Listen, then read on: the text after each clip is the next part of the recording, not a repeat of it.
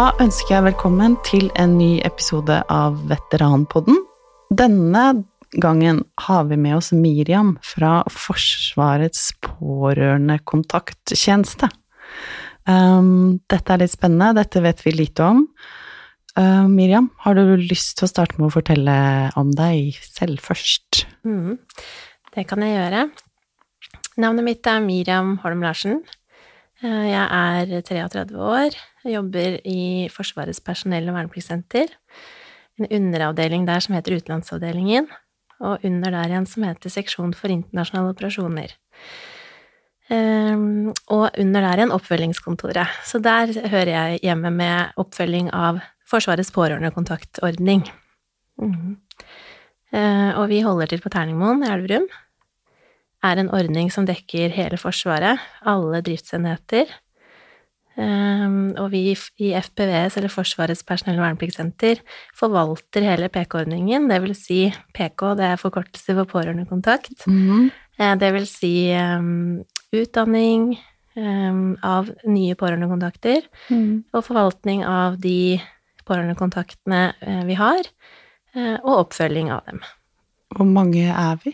Eller dere? Eh, akkurat i dag, det her er jo ferskvare, da, Ja. sånn at det her endrer seg jo eh, egentlig daglig, men vi er akkurat nå 49 gripbare pårørendekontakter eh, som er klare da for å bistå Forsvaret hvis det skjer alvorlige hendelser eller skader eller lignende. Så det er klart det er jo også en del av eh, årsaken til at vi har en pårørendekontaktordning. Det er jo fordi at det har jo Historikken viser jo at det har skjedd en del hendelser i Forsvaret, eh, alvorlige hendelser, Mm. hvor eh, det har vært behov for å følge opp pårørende, da. Mm.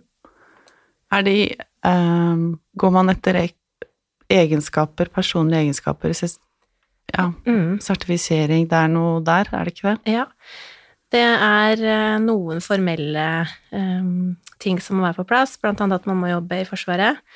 Em, og man må Det spiller ingen rolle om man er militær eller sivil. Eh, og så er det jo selvfølgelig at man må ha førerkort. Det kan bli en del kjøring. Eh, og så er det selvfølgelig noe av det viktigste som jeg syns, da, eh, de personlige egenskapene. Eh, at du må ha empati. Du må være god på å lytte. Mm. eh, sette deg inn i situasjonen til noen som har det fryktelig vanskelig. Eh, kunne jobbe under press. strukturert. Og at du er god på samarbeidet. Det er noe av det viktigste. Mm. De aller fleste vil vel tro at de er empatiske. Vi liker i hvert fall å tro det. Mm. Um, sånn geografisk, da? Er det fordelt geografisk? Er Nei. det en Nei. Det er det ikke. Det er eh, spredt over hele landet. Mm. Så som sagt, eh, så lenge du har eh, arbeid eller jobber i Forsvaret, så er det måte det viktigste, da. Så vi, og det er viktig for oss òg at vi har pårørendekontakter som er, har tilholdssted i hele Norge. For um, ulykkene kan jo skje hvor som helst. Og vi ser jo det nå, spesielt òg etter korona, at det kan være en fordel å aktivere pårørendekontakter som bor i nærheten, eller som slipper å måtte reise langt, da, for å Mm. kunne eh, ta vare på familie. For dere ble kobla på under koronaen for å følge opp de hjemme, eller? Nei, ikke spesifikt korona. Eh, Vi er kun knytta når det skjer en alvorlig hendelse, da.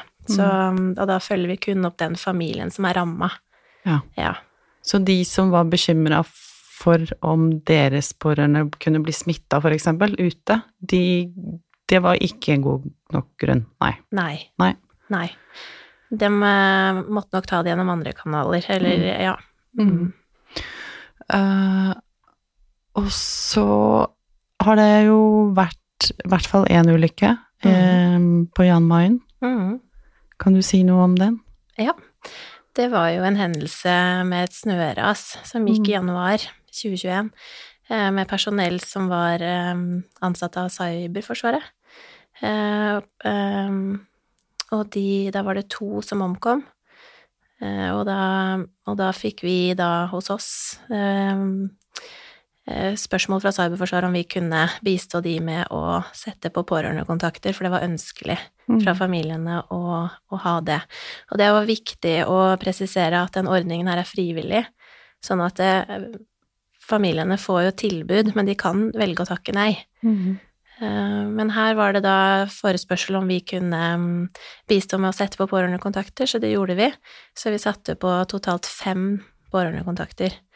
Og vi tilstreber at eh, pårørendekontaktene skal jobbe i makkerpar. Mm. Det vil si at de jobber to og to.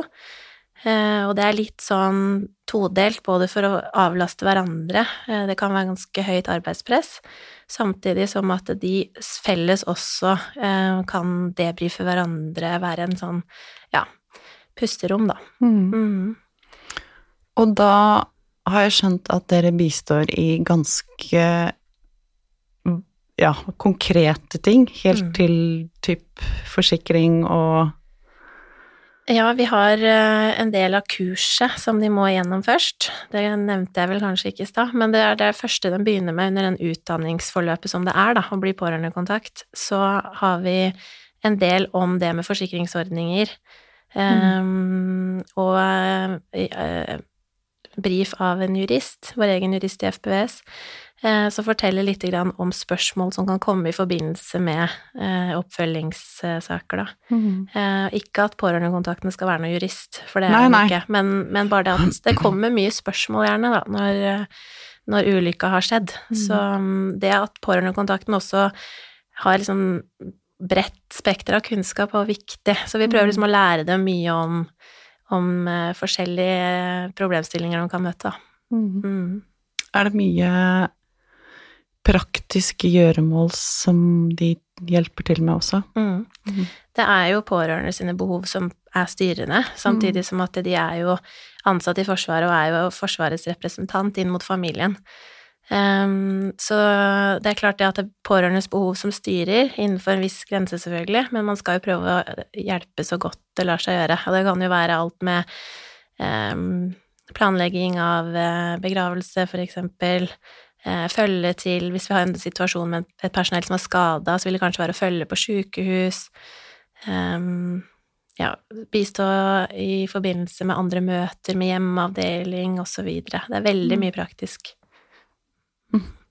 Eh, I forbindelse med Jan Mayen så vet jeg jo også at eh, dere har et samarbeid med IMPS, eller Institutt for militær psykiatri og stressmestring. Mm. Kobles det på automatisk fra Forsvaret, eller er det dere da som på en måte sier at her vil vi at dere skal komme inn? I forbindelse med sånne typer saker så vil det være hjemmeavdeling som er ramma, da, som må Mm. ta initiativ på eh, og koble på. Mm. Um, IMS, da, som vi sier, eller hvis det er behov for andre støttetiltak. Eh, Så det blir på en måte utenfor pårørendekontaktordningen, men der har du driftsenheten eller Cyberforsvaret i det tilfellet der, da, som kontakter oss og ber om støtte, siden vi kun da driver med den pårørendekontakt-biten Mm. i ei større krise. Ja. Mm. Um, har du andre eksempler som du kan fortelle om? Ja, vi har jo um, Jeg kan jo ta eksempler generelt, da, hva vi Mhm. følger opp. Um, Pårørendekontaktordningen starta i utgangspunktet med eh, internasjonale operasjoner, eller altså når det skjedde ting ute som ehm, Hvor det var behov for at pårørende fikk ekstra støtte her hjemme.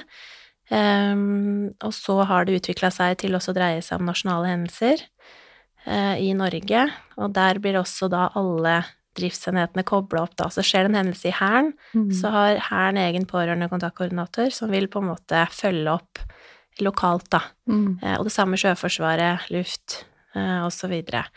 Og eksempler de seneste åra, da, så har vi sett en tendens til at det har vært flest nasjonale hendelser, Mm. og da eksempelvis en del sjølmord.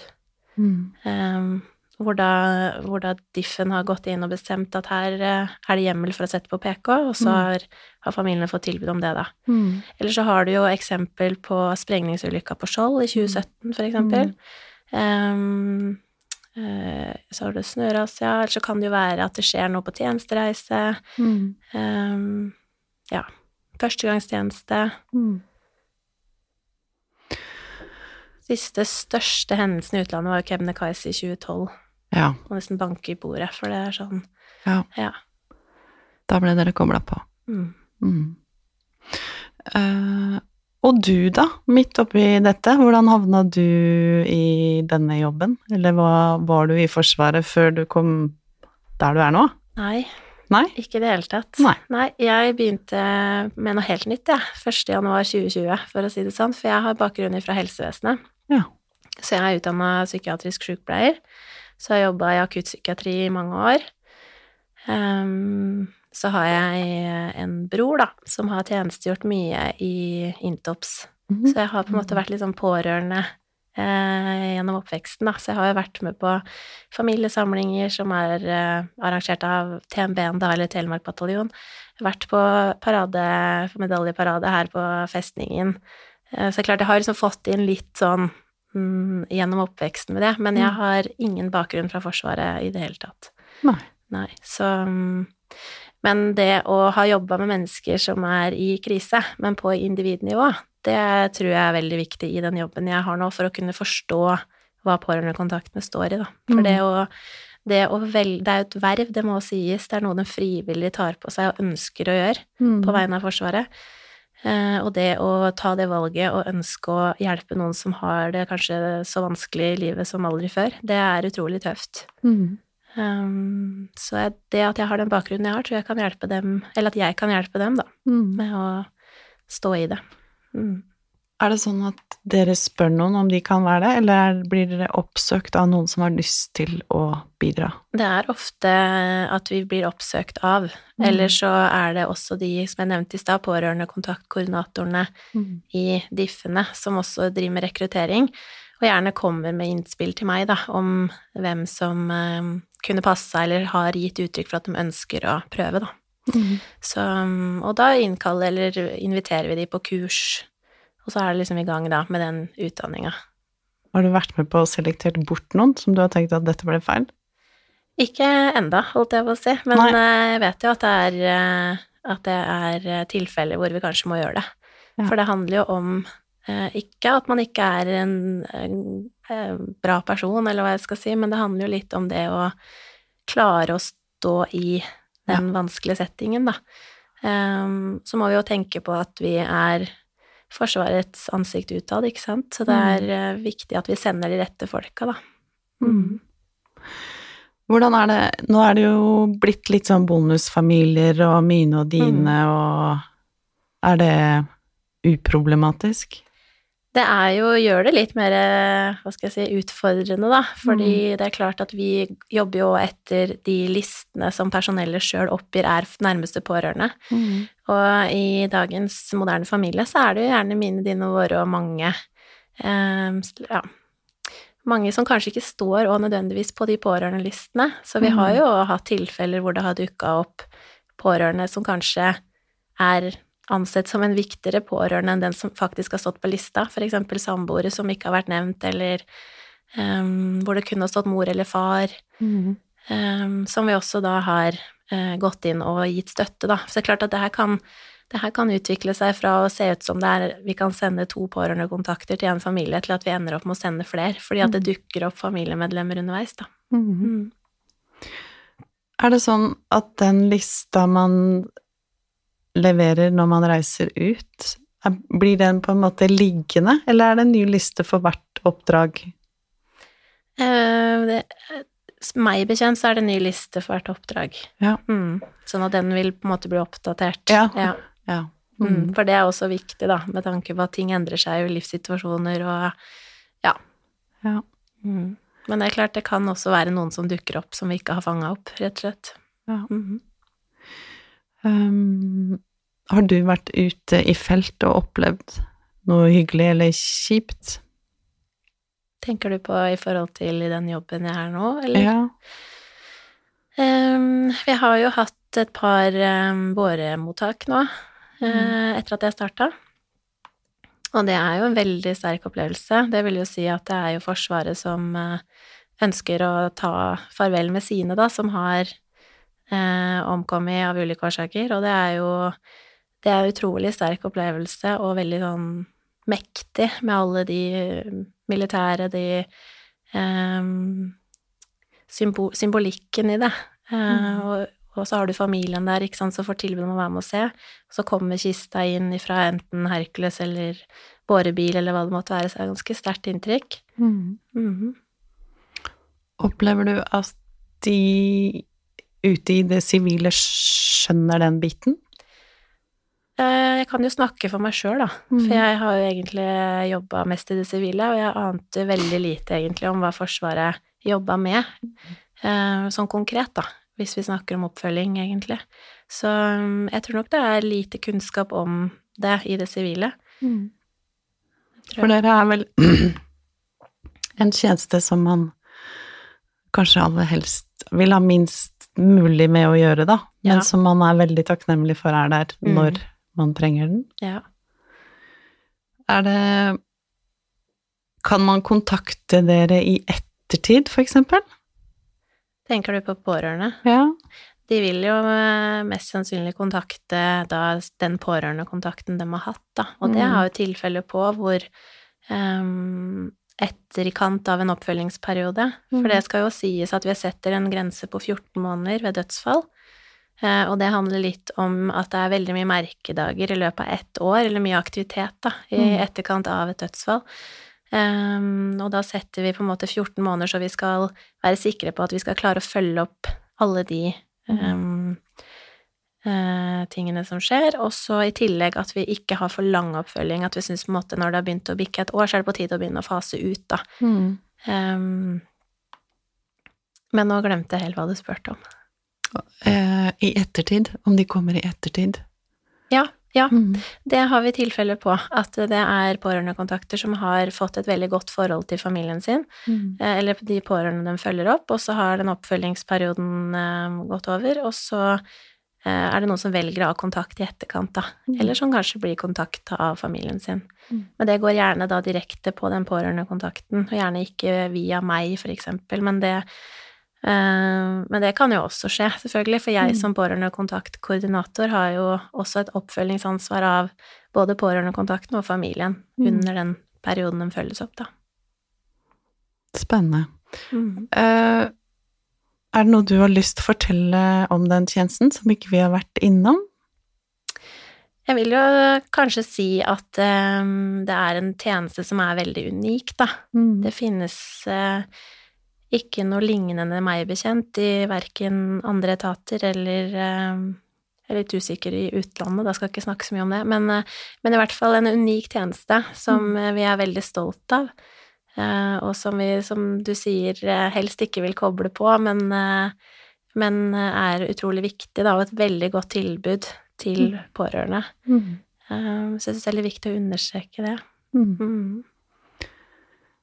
Um, det er vel kanskje en slags trygghet for de som reiser ut, å vite at dere er der hvis det skjer noe. Mm, absolutt, det får vi mye tilbakemeldinger på også um, hos oss, da, for det, det er jo avdelingen jeg jobber som har ansvar for blant annet å sette opp enkeltstående offiserer til å reise ut Mm. i internasjonale operasjoner.